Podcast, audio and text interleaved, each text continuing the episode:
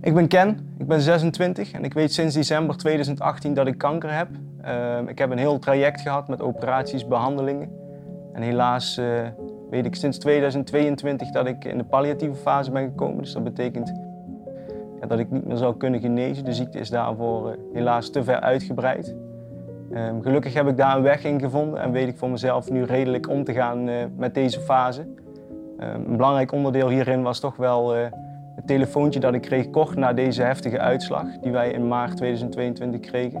Ik werd toen gebeld door iemand van het ziekenhuis en die vroeg gewoon, ja, eigenlijk gewoon heel simpel de vraag hoe het met me ging. En uh, ik merkte toen ineens dat ik uh, echt wel behoefte had om hier open over te praten met iemand die wat verder van me weg staat. Ik merkte dat ik heel erg mijn naaste wilde beschermen, niet te veel pijn wilde doen met mijn verdriet, met mijn, mijn struggles. En, en ik merkte nu voor het eerst dat ik dit gewoon ja, open op tafel kon gooien. En ik vond het ook wel prettig dat, ja, dat dit laagdrempelig was via de telefoon. Ik diegene eigenlijk niet kende.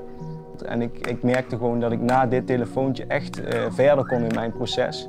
Dat ik het allemaal wat meer op een rijtje kon zetten. Uh, dat ik wist welke emoties er wel en niet mogen zijn. Wel vaak ook allemaal gewoon heel normaal zijn in dit heftige proces. En ik dacht toen eigenlijk wel van, uh, dit is bizar dat ik dit voor het eerst meemaak sinds, sinds deze lange periode dat ik ziek ben.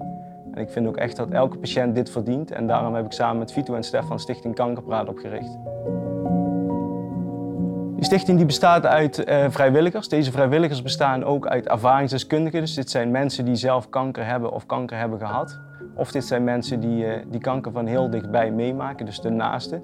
En wij proberen eigenlijk voor elke patiënt iemand passends uh, in het team te hebben. Dus dit kan zijn dat iemand bijvoorbeeld dezelfde kankersoort heeft, in dezelfde leeftijdsfase zit, man, vrouw, Waardoor de drempel om hier open over te praten nog kleiner wordt. En, en zo hopen we dat, uh, ja, dat patiënten hier zoveel mogelijk gebruik van gaan maken. Ja, Stichting Kankerpraat werkt als volgt. Er zijn twee manieren hoe jij als patiënt of naast je aan kunt melden. Dit kan via de website, daar kun je het contactformulier invullen. Op dat moment koppelen wij een vrijwilliger die het meest aansluit op jouw situatie. De tweede manier hoe je met ons in contact kunt komen is uh, op het moment dat wij bijvoorbeeld samenwerken met jouw zorgverlener. Jouw zorgverlener kan dan eh, jou wijzen op de stichting. En, en die kan jou direct een formulier laten ondertekenen. En dit formulier komt dan bij ons terecht, waardoor wij weer uh, snel contact met je op zullen nemen.